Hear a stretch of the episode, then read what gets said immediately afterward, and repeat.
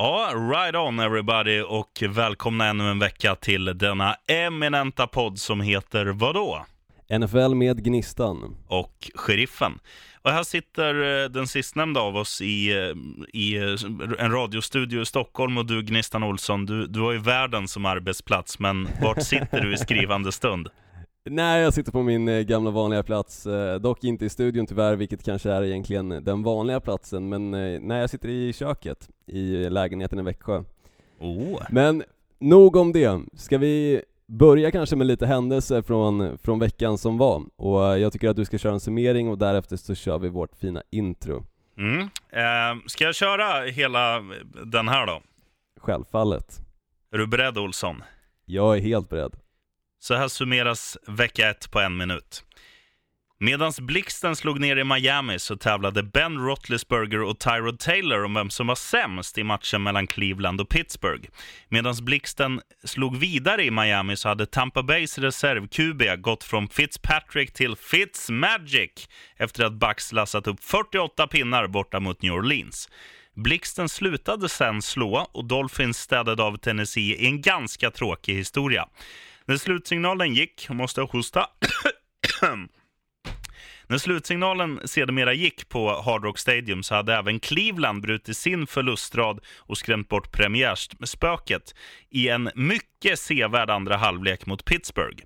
Browns vann visserligen inte, men ett oavgjort resultat får ses som ett bragdguld med tanke på deras fjolår.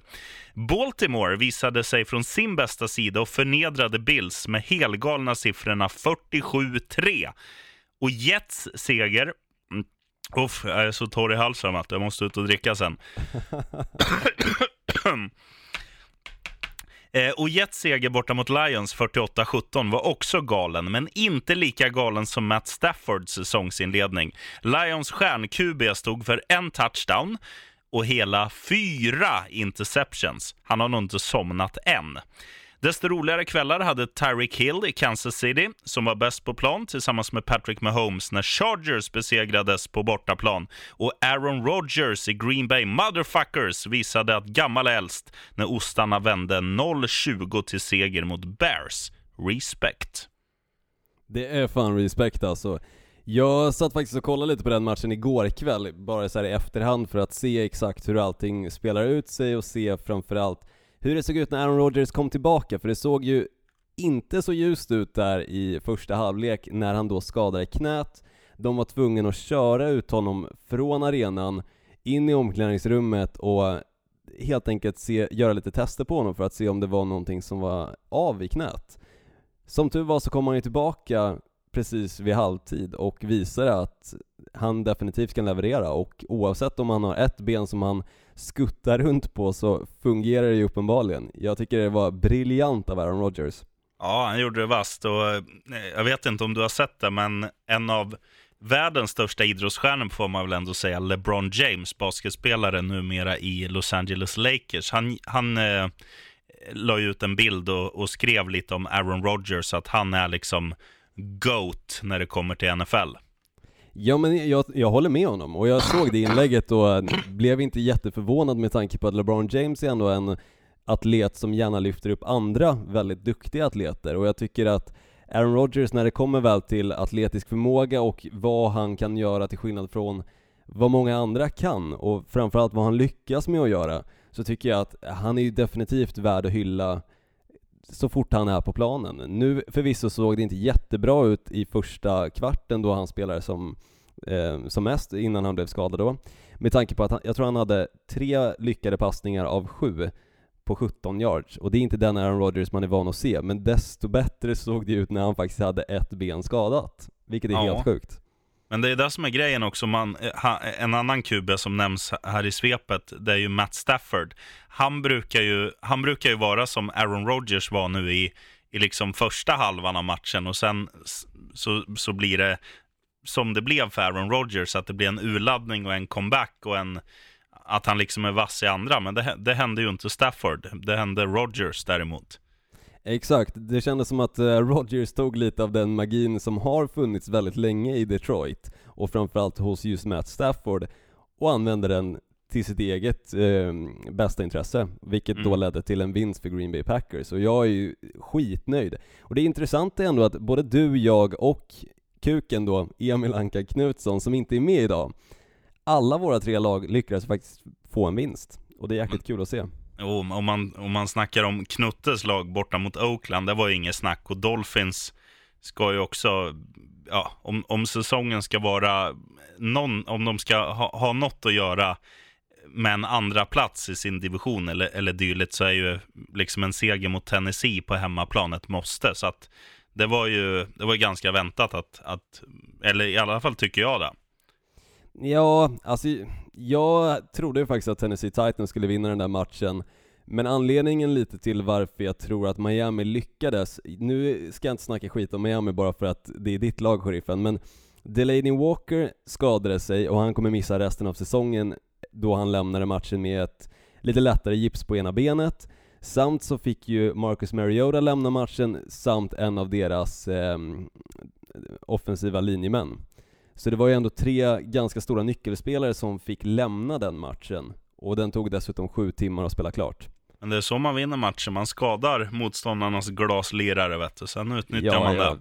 Har man en spelare som Kiko Alonso så är det väl det man får satsa på, för annars har man inte plockat in honom i laget av rätt anledning. Nej, så är det. Men det där var lugnt. 1-0. Ja, så är det. Jag måste bara säga en sak innan vi dammar av introt, sheriffen, att det har ju faktiskt aldrig tidigare hänt att sju stycken nya, vilket i år är samtliga nya headcoaches har förlorat sina matcher i vecka 1 och då snackar jag alltså om Steve Wilds i Cardinals, Matt Nagy i Bears, Matt Patricia i Lions, Frank Reich i Colts, Pat Shermer i Giants, John Gruden i Raiders och Mike Rabel i Titans. Samtliga alltså förlorar sina matcher. Ja, jag säger som förut, eh, också jävligt väntat. Nu kör vi introt.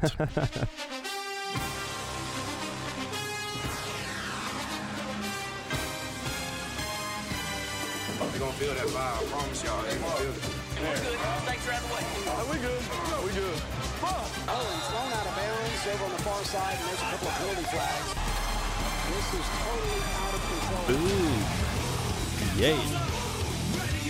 Det roliga yes. är att jag hörde ingenting av introt där. Nej, men det behöver du inte höra. Nej, jag har hört det många gånger. Gör det för jag lyssnarna. Eh, Olsson, ja. eh, vill du, du ville köra händelser, sa du? Ja, bara gå in på lite grann vad som har hänt eh, spelarmässigt och så i ligan sen då vecka ett eh, tog fart och även lite innan. Men en spelare som varken platsar i Browns anfall eller Bills för den delen är faktiskt numera en Patriot, och då snackar jag om Corey Coleman. Den okay. skoälskande wide receivern, som eh, vi numera kommer få se i New England Patriots, och frågan är om han kommer göra bättre än vad vi fick se hos Browns och hos Bills för den delen. Ja, med största sannolikhet blir det väl så eftersom att han inte gjorde någonting. Exakt, och dessutom så har han ju numera Tom Brady då som quarterback som kommer leverera bollarna till honom, så det lär ju bli lite lättare för hans del. Samt David Johnson skrev ju dagen före matchen mot Redskins på en kontraktsförlängning på tre år, värde 39 miljoner dollar med 30 av dem garanterade, dock så lyckades han ju inte riktigt prestera under matchen just mot Redskins.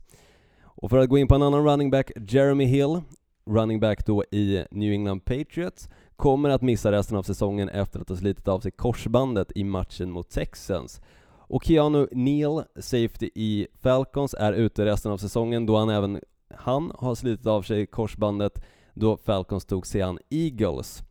Och även Doug Baldwin, wide receiver i Seahawks, kan missa en hel del speltid då han skadade knät i matchen mot Broncos. Och han missade ju faktiskt ungefär en månad av träning på grund av just en knäskada inför säsongen.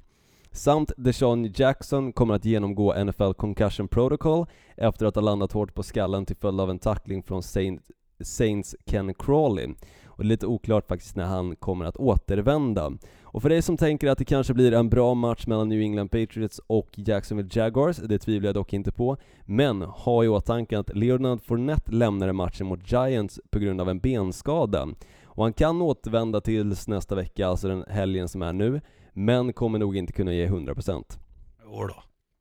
Nej, vi får väl se. Samt så är Nick Foles utnämnd starter för Philadelphia Eagles när de tar sig an Tampa Bay Buccaneers. Det är väl ungefär det som har hänt i ligan sen eh, sist vi pratade. Mm. Eh, från första veckan nu, vad, vad tycker du var den största ögonbrynshöjaren? Var det Tampas seger borta mot eh, New Orleans eller var det Jets eh, mer eller mindre kross av Ravens eller var det kanske Buffalo Bills extrema underprestation? Eller vad, vad säger du? Alltså jag skulle säga så här. jag är inte jätteförvånad över att Ryan Fitzpatrick lyckas i lägen han inte ska lyckas i, för att det har vi sett förr. Ja. Så det är nog inte den som är den största ögon, ögonbrynshöjaren, även fast jag tycker att Saints såklart borde levererat, så vet ju alla att Saints inleder ofta säsongerna väldigt dåligt, och deras försvar framförallt brukar ta några matcher innan de hittar rytmen och kan faktiskt leverera på en bra nivå. Ja, man ska ju vinna när man gör 40 poäng framåt liksom. Absolut, men problemet är som sagt, i början av säsongen så fungerar inte deras försvar riktigt som det ska. Sen tycker jag inte heller att det är märkligt att Buffalo Bills var så dåliga som de var när de ändå startade med just Nathan Peterman. Sen hörde jag faktiskt någon expert nämna, eller som fick frågan, tycker du att de ska starta Josh Allen istället nu? Och hans direkta svar var nej. Anledningen är att han tycker att deras o-line då är för dålig för att slänga in en rookie quarterback som du förhoppningsvis ska kunna ha i ditt lag och bli din franchise quarterback i tio år framöver. Ja. Och jag håller någonstans med, med tanke på vad vi fick se av Buffalo Bills o-line så hade inte ens jag velat stå där bak även om jag hade fått en miljon dollar. Okej, det kanske jag hade i och för sig. Hur som helst så tycker jag nog att den största ögonbrynshöjaren den här veckan som var, var formen på Deshaun Watson. Den var inte alls vad jag hade förväntat mig och det såg ut som att han någonstans hade tappat den här förmågan att kunna läsa motståndarna och framförallt kändes han väldigt osäker i fickan. Han tog sig inte ut lika ofta som vi är vana att se honom och jag vet inte om det är skadan som fortfarande sitter och grämer lite i huvudet på just Deshaun Watson. Men det var inte den Deshaun Watson som jag tror alla hade förväntat sig att se vecka ett. Ja, jag, jag, tror mer att det handlar, med att, eller handlar om att han gjorde ett misstag det första som sker i matchen. Hans första bollkontakt, så han, det är då QB'n i Houston Texans vi snackar om för dig som inte har koll. Eh, hans första bollkontakt slutar ju i en, i en pick six.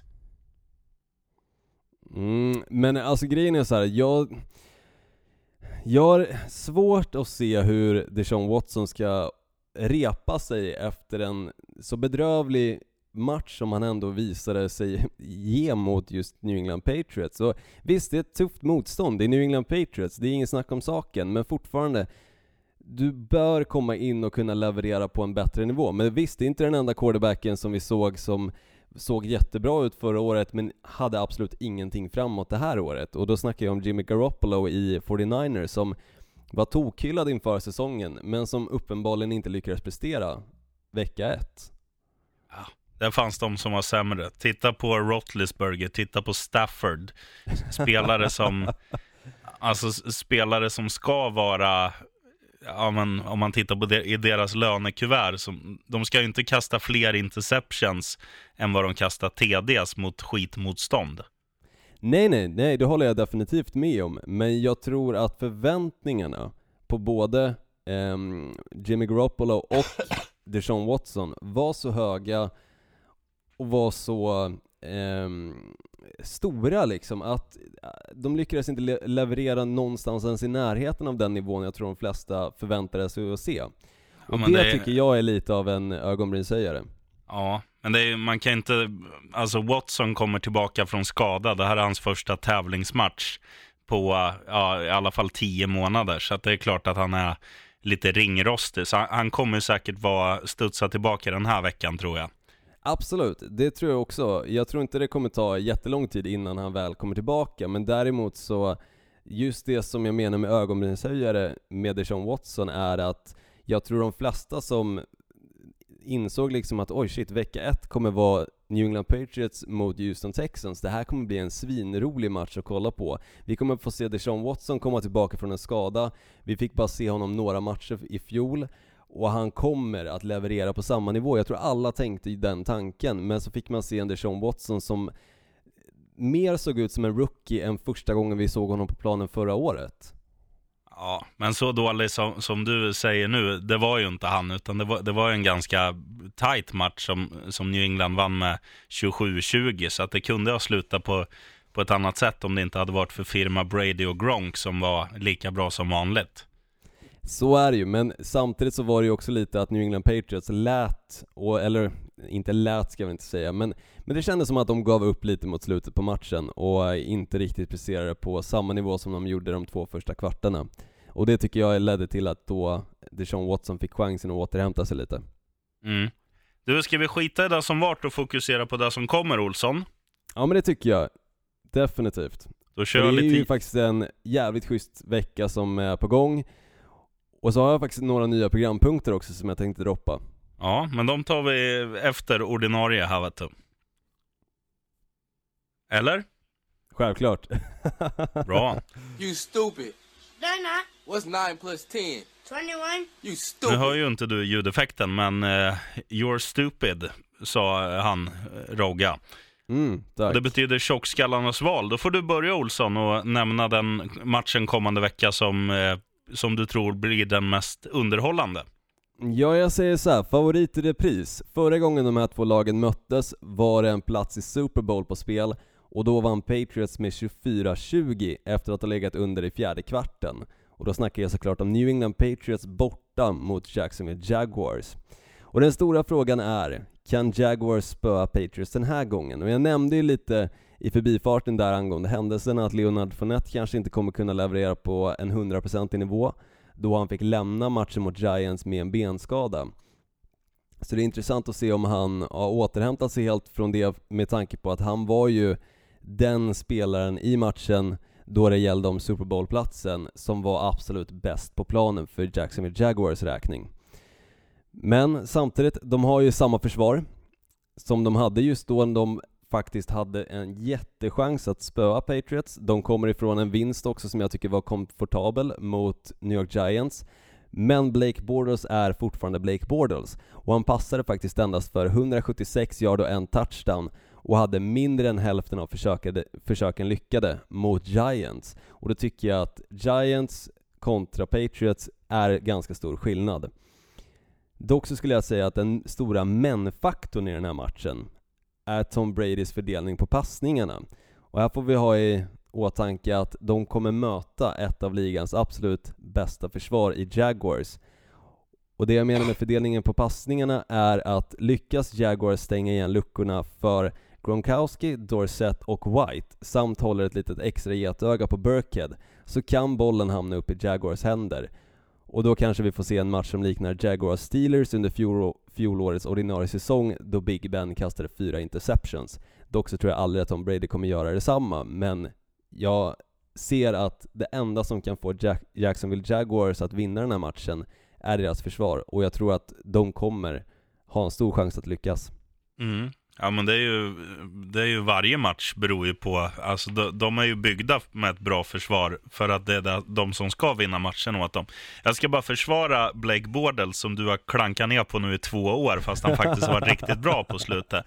Eh, att det som hände förra matchen var ju att eh, Fournette gick ju ner väldigt tidigt och då blir det ju så att eh, då har du inte det, en av, ja, kanske till och med ligans bästa running back eh, och, och ge bollen till. Då blir det ju att du är tvungen att, att passa lite mer. Och när, när då försvaret dessutom vet att nu är det större chans att det blir en passning, då blir det ju att försvararna, eh, alltså passförsvaret är mer alert och då måste du gardera lite mer och slänga kanske lite mer, eller lite mindre på chans. Att du, att du tänker att okej, okay, fångar han den så gör han det skitbra, men fångar han den inte så, så blir det i alla fall att den går ur spel. Att det inte blir en interception, att man liksom safear lite så. Mm. Så att den där Jag- statistiken är ju, alltså det, det är ju inte en, det är varken en, en kanonstatistik eller en skitdålig statistik, 176 yards och en touchdown. Det är ju en standardmatch i en, i en match som är lite halvsvajig och ganska, alltså med ganska trubbigt anfallsspel från båda håll. Jo, så är det ju, men jag tycker att tittar man bara på siffrorna i sig, och visst, jag håller väl med om att det är klart att försvaret har det väldigt enkelt att veta att det kommer bli passningar när just Leonard Fournette skadar sig så pass tidigt och den quarterbacken de har i Blake Bortles.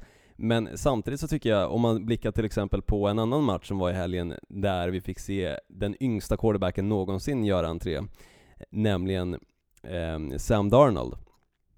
Så passar Mm. han först en interception, det första han gör, men lyckas återhämta sig därefter och passa för 198 yards, två touchdowns. Och det tycker jag är ett bevis lite grann på vilken kapacitet Blake Bortles har när en rookie quarterback kommer in, det första han gör är att passa en interception, bör bli darrig och bör inte kunna skaka av sig det direkt, men det fick vi se att han gjorde. Däremot så tycker jag att Blake Bortles, när han tappar en spelare som Leonard Fournette, så blir han osäker och vet inte riktigt hur han ska hantera situationen och det är där jag tror att den stora nackdelen med Blake Bortles är. Och det är det jag också stör mig lite grann på hur Jacksonville Jaguars kan behålla kvar en snubbe som har en så stor svaghet hos sig.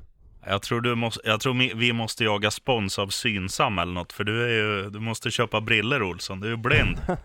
Nej, nej jag tror det är jättemånga som håller med mig om att Jacksonville Jaguars behöver en bättre quarterback och en bet- mer stabil quarterback.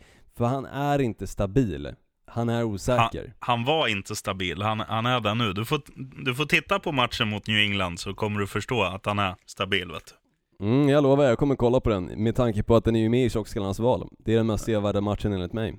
Nej, det är det inte. Det är ju faktiskt tyvärr, måste jag säga, ditt lag. Green Bay Motherfuckers hemma mot Minnesota Vikings. Divisionsmatch redan i vecka två. Båda kommer från seger eh, på lite olika sätt. Minnesota var ganska dominanta, framförallt deras, eh, för nu släppte de ju till poäng givetvis, men det var ändå så här, de gjorde det väldigt svårt för Jimmy Garoppolo och kompani att göra poäng.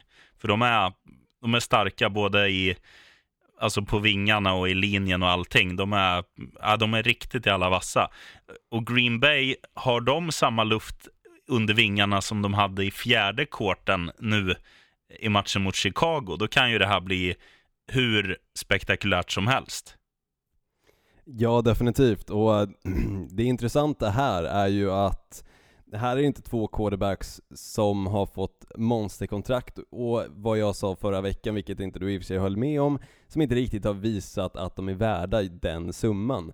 Men nu är det Kirk Cousins som istället möter en quarterback som definitivt har visat sig vara värd den summan, men som har hos sig ett försvar som inte alls är i närheten mot Minnesota Vikings. Så det här kräver ju verkligen att försvaret i Green Bay verkligen steppar upp för att lyckas mot eh, ett lag som Minnesota Vikings. För jag tror att Aaron Rodgers kommer kunna, vad ska man säga, bryta ner försvaret i Minnesota Vikings, men jag tror fortfarande att han kommer behöva, och att det kommer bli några pants i den här matchen, för att Minnesota Vikings försvar är ruskigt bra. Men däremot så krävs det att Green Bay Packers inte släpper in för mycket poäng. Ja. Vilken, vilken skön bold prediction. Det kommer bli ett par punts. Finns det någon NFL-match där det inte har blivit en enda punt i? Eh, ja, eh, åtminstone en match, jag tror inte det blev en enda punt i matchen mot, eh, när Seattle Seahawks tog sig an Houston Texans förra året. Okej, ja, det är väldigt liten sannolikhet med andra ord. Så det var jo, vågat jo, av men jag Olsson. menar att det kommer ske. Ehm, jag menar bara det att jag tror att försvaret i Minnesota Vikings kommer ändå lyckas stå upp emot Aaron Rodgers på ett bra sätt, men däremot så tror jag att han kommer tids nog lyckas bryta sig igenom det försvaret och hitta sina wide receivers, och då kommer allting gälla på försvaret i Green Bay, som inte är det bästa, tyvärr. Nej. Nej, det var det. Var det. Eh, nu kör vi nästa ljudeffekt. Shocking. Positively shocking. Och den säger shocking, absolutely shocking. Och den snackar dels om min kroppsform, men också om eh, eh, ja, en skräll. En underdog som, som kommer eh, roffa åt sig segern. Vad har du Mm. där, Olsson? Jag kommer faktiskt köra samma statement som jag körde förra veckan, nämligen att Cleveland Browns tar sin första seger på över ett år. Och jag vet att det är sjukt att säga det mot ett lag som New Orleans Saints, men Browns har ett vassare försvar än vad Buccaneers har, med Denzel Ward, Miles Garrett, Demarius Randolph och company. Och visst, de möter en bättre quarterback i Drew Brees och en explosiv running back i Alvin Kamara. Men låt mig bara förklara lite varför jag faktiskt tror att Saints kommer att förlora och Browns äntligen vinner en match. Det är nämligen Mhm. så att Browns kommer komma in med självförtroende på topp efter att ha spelat lika mot Steelers. Och visst, lika är ingen vinst. Men sett till hur de såg ut förra säsongen då de inte vann en enda match, så i Browns bok så kan jag garantera att matchen mot Steelers ses som en vinst. Vädret kommer inte heller ha någon påverkan, vilket det hade då mot Steelers då det regnade hela matchen. Mm. Då Saints har hemmaplansfördel, och visst, det är något som faktiskt borde tala för att New Orleans vinner. Men tänk då att New Orleans spelade hemma förra matchen mot Tampa Bay Buccaneers, och deras försvar dessutom har lika lite självförtroende som sheriffen faktiskt har ambition att träna. Japp. Och för att gå in lite då på försvaret, Marcus Williams, han som alltså missade tacklingen som ledde till the Minnesota Miracle, var helt fel ute större delen av matchen. Marshall Lattimore, för att gå in på honom, gick inte att känna igen med fjolårets toppspelare. Marcus Davenport, som kostade hela två draft picks, gjorde nada. Och Cameron Jordan, en av deras bästa defensiva linjespelare, såg slut ut och Ken, Tr- Ken Crawley tappade humöret flera gånger om. Jag känner att det här är ett försvar att utnyttja, besudla, spotta på och köra över med en bulldozer. Och det är precis det som Cleveland Browns kommer att göra. Jag tror att de vinner.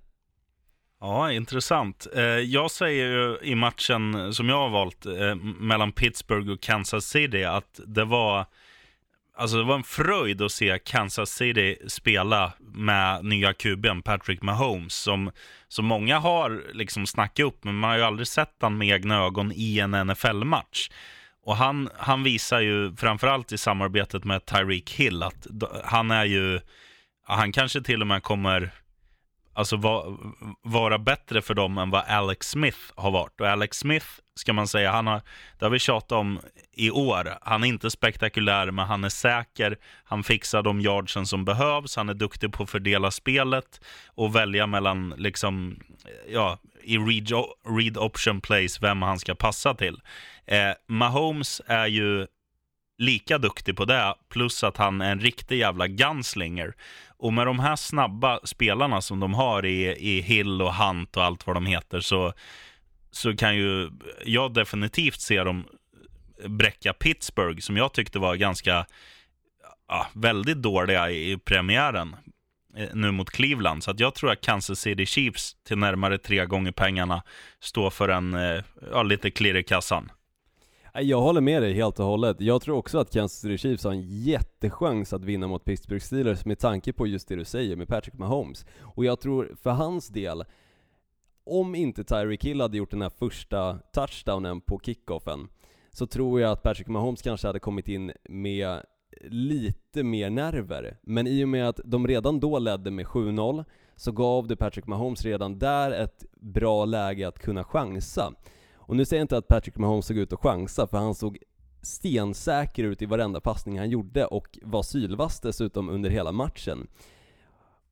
Men jag tror att det ändå hade en avgörande effekt till att han ändå kunde slappna av lite, för leder du matchen så är det inte samma pr- press på dig som om, vi lå- låt oss säga att Los Angeles Chargers hade gjort poäng det första de gjorde istället.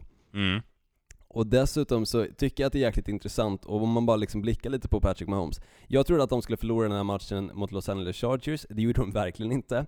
Och anledningen var ju att jag trodde att han skulle komma in lite just med de här nerverna, för att man har inte riktigt fått se honom på planen, utan han har spelat försäsongsmatcher bägge åren nu. Men mer Mm. än så har man inte fått se honom. Men jag, under de här försäsongerna har jag verkligen hyllat Patrick Mahomes och sagt att han kommer vara framtiden för Kansas City. Och det tycker jag han visar redan vecka ett. Och med det sagt så tror jag, om jag bara ska liksom säga en säsongsprediction efter vecka ett, så är det att Kansas City Chiefs kommer att vinna sin division.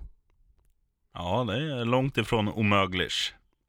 Nej, Jag, jag tror definitivt på det. Och jag tror att Patrick Mahomes, nu visar han ju samma nivå som Alex Smith visade förra säsongen i början av den då. Sen fick vi se en Alex Smith som blev eh, sönderarbetad lite av motståndarförsvaret. Men jag tror att Patrick Mahomes har lite mer vapen i sin arsenal och kommer att utnyttja dem också. Och jag tror att han kommer bli livsfarlig i år. Mm. Jag tror definitivt att de vinner mot Steelers. Det tror jag. Ja, nu var det jag som trodde det Olsson. Nu kör vi nästa. Show me the money, lätta stålar. Vad ska man satsa på för att eh, ja, förvandla en 20-lapp till en 25-lapp eller, eller dylikt?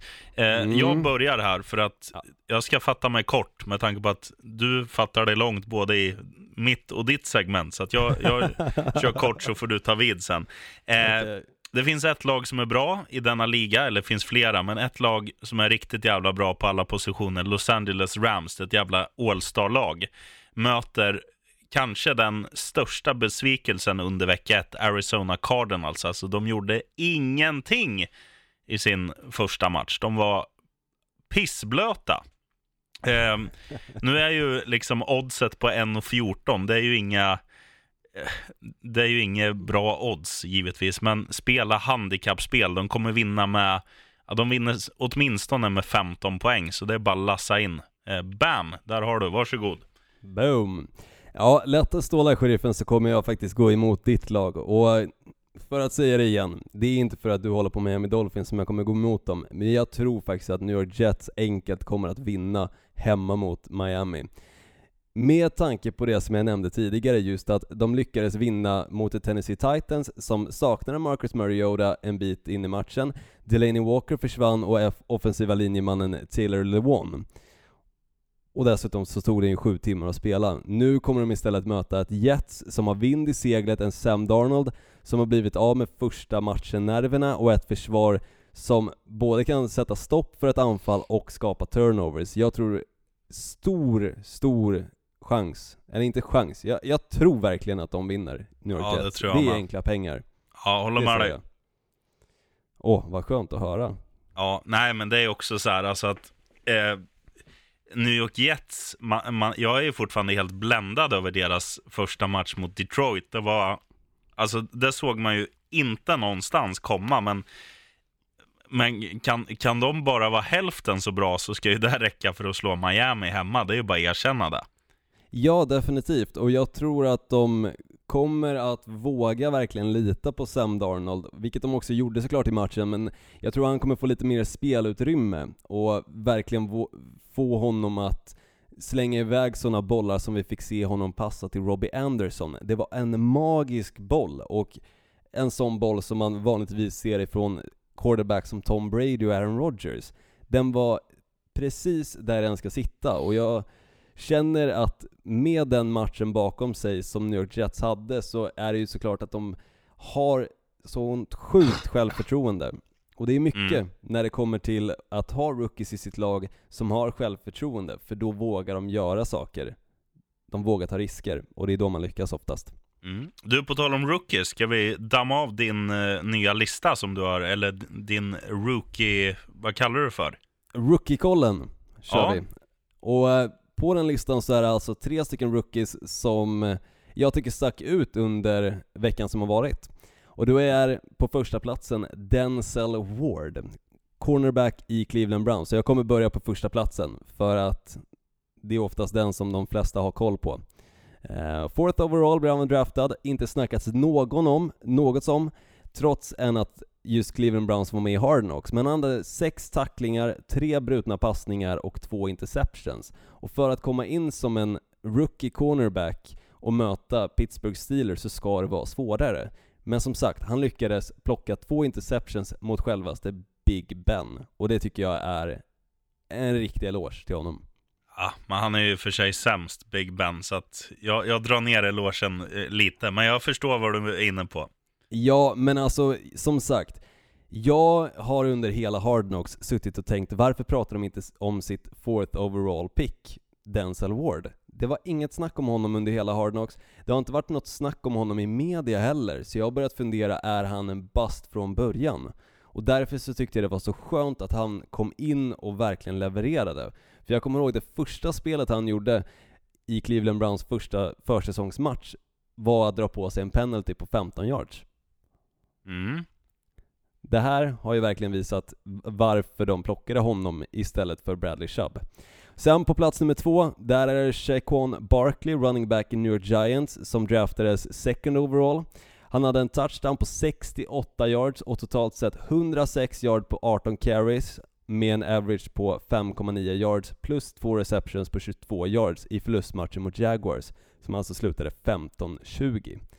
Och det tycker jag definitivt är bra för en rookie quarterback, eh, running back menar jag såklart. Ja. Jag tyckte, jag tyckte att han var, jag tyckte att han underpresterade. Förutom hans touchdown tyckte han var ganska blek i matchen.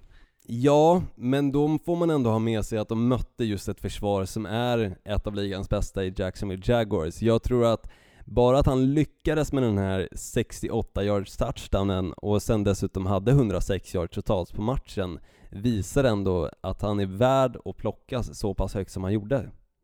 Ja, jag tror det är han klart. Kommer, jag tror han kommer leverera betydligt mycket bättre när han möter lättare försvar också såklart. Det Ja. gör de alla. Men för att gå in på en spelare då som jag tycker hamnar på tredjeplatsen, en som jag redan nämnt lite grann, Sam Darnold. Jag tycker verkligen att han är värd att hamna på den här listan.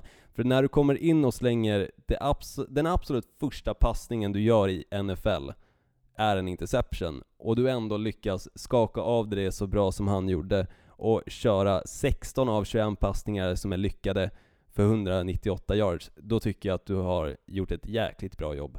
Mm, nej, han, där är jag med dig på ett annat sätt. Han var fantastiskt duktig. Ja, och framförallt så visar han ju att han har bra lugn. Mm. Han har ett lugn som jag inte tycker att man kan se hos alla quarterbacks. Till exempel James Winston, han totalkollapsar ju så länge inte det går hans väg. Och den... Ja, han, han knarkar ju, eller han är avstängd i alla fall. Jo, han är avstängd dessutom, men jag menar om man blickar på andra quarterbacks som har gått väldigt högt i draften och just kollar då på Marcus Mariota, vi kollar på James Winston. Sådana spelare har inte de här lugna nerverna som en Sam Darnold har. Och därför tycker jag att New York Jets gjorde helt rätt val att plocka honom. Ja, ge, ge några matcher till bara innan du spikar hans, hans nerver. Nej, jag tycker nerverna är spikade. Första Mm. passningen interception, skaka av det, perfekt. Du är en spelare för framtiden. Ja, nej, bra Olsson. Vad har du med för nytt segment idag då? Ja, du, du är nyfiken. Vem Ja. där, tänker jag. Oh, Men här handlar det inte om att du ska gissa någonting, utan här handlar det om att du, sheriffen, måste välja en spelare med tre olika frågor. Ehm, Okej. Och då är första frågan, vem kommer att slänga flest interceptions denna vecka? ja, intressant. Du, jag stängde ner matcherna här, så jag ska ta fram matcherna igen. Så ska, så ska du få ett snabbt... Eh, Enklaste svaret är, vem en Buffalo Bills kommer starta tror jag. ja, nej, men jag ska, jag ska ge dig något köttigare här. Mm. Eh, Ja, du, vad ska vi dra till med? Vad heter... Nu tappar jag namnet till och med på idioten som är i Cardinals nu. Vad heter han? Case Keenum? Nej. Sam Bradford eller eh, Josh Rosen, det är inte klart vem som ska starta. Nej, oavsett vem av dem det blir, så där har du facit. Mm. Med tanke på då att de möter Los Angeles Rams tänker du? Ja, och med tanke på att de är kanske det Alltså jag är mer besviken på Arizona Cardinals än Buffalo Bills vecka ett. Jag tyckte det, ja, förvisso, de man var hade så jävla taffliga. att, Ja, och samtidigt man hade förväntat sig att Nathan- Peterman skulle vara dålig, så man hade ju inte höga förväntningar på Buffalo Bills. Nej man men mer alltså, de har, de har ju ändå, han eh, running backen Johnson där, han, han rankas ju ändå som en av de bästa. Eh, De har Larry Fitzgerald, eh, så att alltså de har ju ändå pusselbitar i offensiven som borde kunna göra någonting, men det var verkligen, ah, det var som att se mm, treåringar spela. Ja, nej det var, det var ingen bra match, jag håller med dig. Men nästa fråga då, vem kommer att springa för flest yards denna vecka? Ja, Tyreek Hill är ju glödhet. Eh, Jag säger Tyreek Hill. Mm, men jag menar running backs, springa menar- sheriffen. Jo, men han, han fånga fångar ju bollen och så springer han. Jo förvisso, men det ka- kallas ju fortfarande receiving yards. Ja, eh, vad ska vi dra till med då då? Ska vi säga att Christian McCaffrey får en revival efter en svag vecka ett? Ja, Okej. Och den sista, vem kommer att få upp flest poäng på tavlan? Alltså Vil- vilket lag? Vilket lag? Eh, ja, det vore ju kul att säga. Jag säger Chicago Bears. Chicago Bears av alla lag. Ja, Vilka är det de tar sig an nu igen? Seattle Seahawks. Mm. Jag tycker att det är en intressant match faktiskt, just Seattle Seahawks mot Chicago Bears med tanke på att Khalil Mack kommer nu att möta en av de mest mobila quarterbacksen i ligan i Russell Wilson. Det blir intressant om han kommer ha samma match som han hade mot Green Bay Packers, framförallt då första halvlek, när han bara åt upp hela offensiva linjen och mördade quarterbacken, bokstavligen. Och det kommer ske. Vi får se.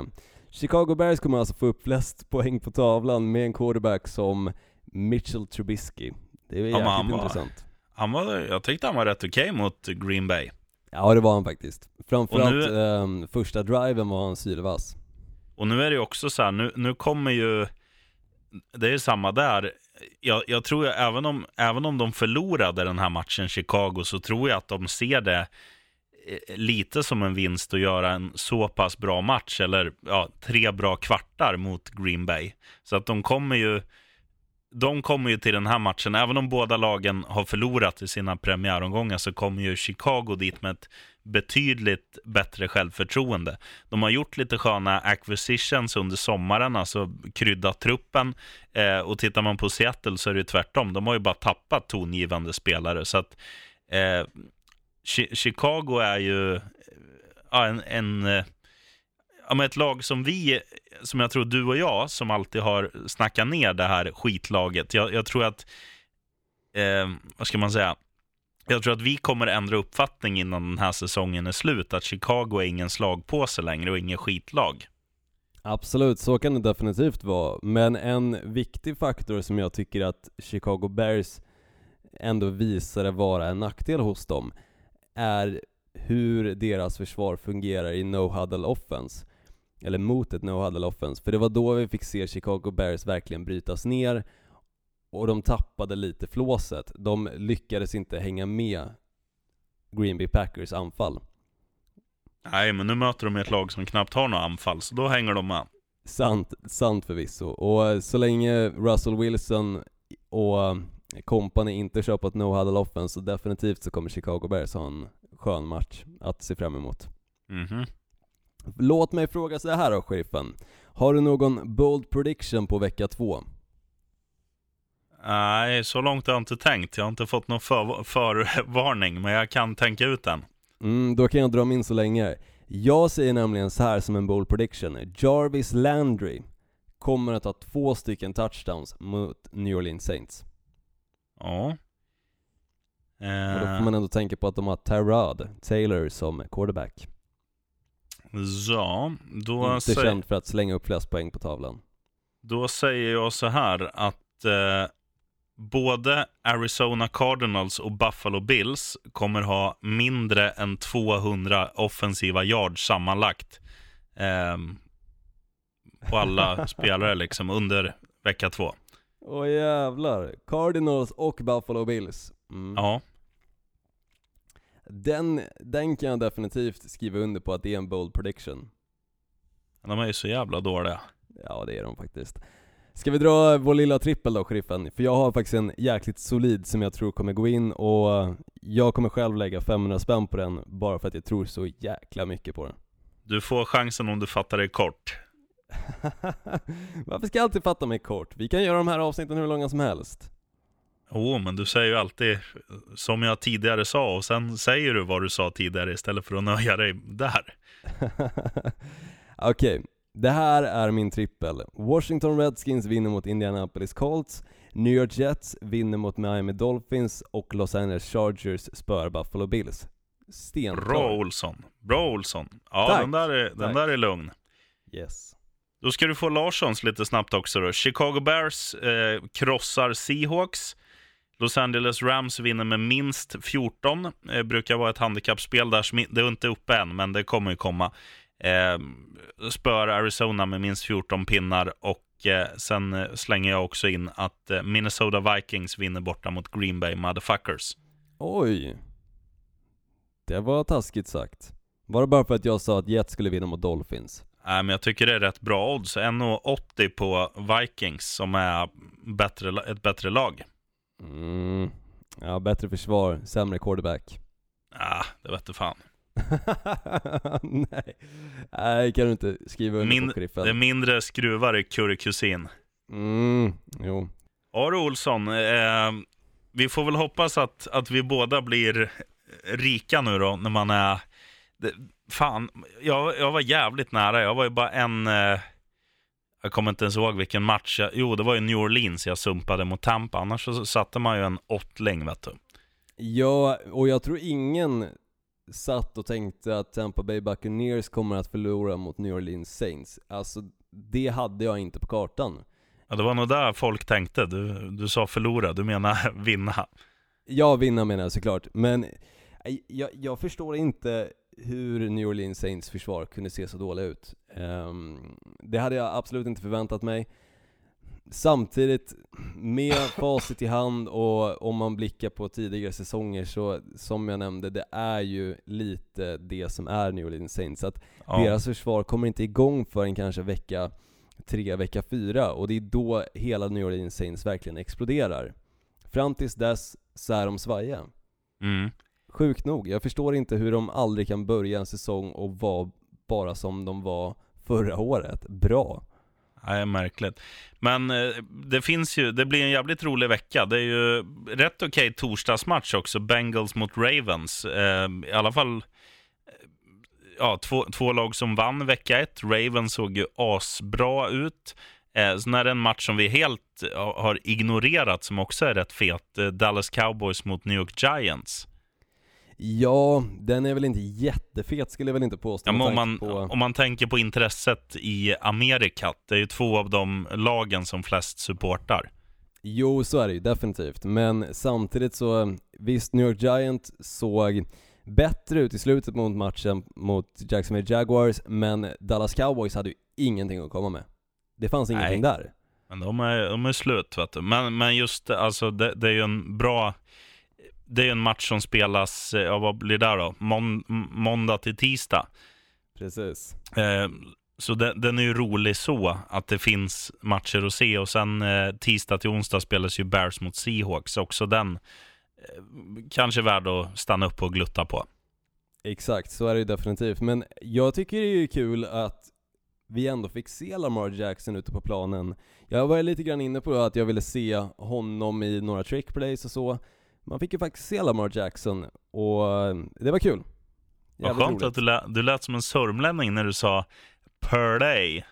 Play, a trick, trick play. play. Det Ja, jag pratar med dig. för mycket. Tack. Ja, all cred. Nej men fan, vi nöjer oss där va Olsson, så, eh, så eh, ser vi hur luggen ligger inför nästa vecka så har vi väl mer, alltså då, då kan man väl bilda sig en större uppfattning också kring flip, flippar och floppar och spelare och tränare och lag och skit. Eh, det är svårt att göra det på en vecka, men två veckor då har man lite mer kött on the legs. Ja, precis. Så är det definitivt. Och eh, nej, som sagt, se till att lägga lite pengar på att Cleveland Browns vinner mot New Orleans Saints. Jag tror att det kommer att ske.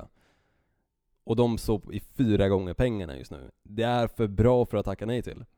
Mm, 4 4,27 enligt Oddsportal. Mm. Det är för bra för att tacka nej till. Lägg en 50-lapp på dem. Du kommer tacka mig i slutändan. Eller så kommer du komma ner till Växjö och spöa skiten ur mig. Men det är en 50-lapp. Förmodligen det sistnämnda. Förmodligen. Men, eh, ja, eh, djupa ord. Nej, bra jobbat ord Olsson. Nu, Detsamma. nu, hopp, nu hoppas jag att du får ut det här avsnittet med skapligt ljud. Så, eller nej, det hoppas jag inte alls det. För då, då kan vi göra på det enklare sättet nästa gång. Nej, svårt ska det vara. Det blir Vill du roligare ha- så. Vill du ha outrot på, på detta ljudspår? Självklart. Pass out of the backfield, right? Bozzy Whitaker back toward the middle of the field to the 40, the 35, breaking tackles. It's got potential. 20, left side, 15, 10. Touchdown Dolphins! No.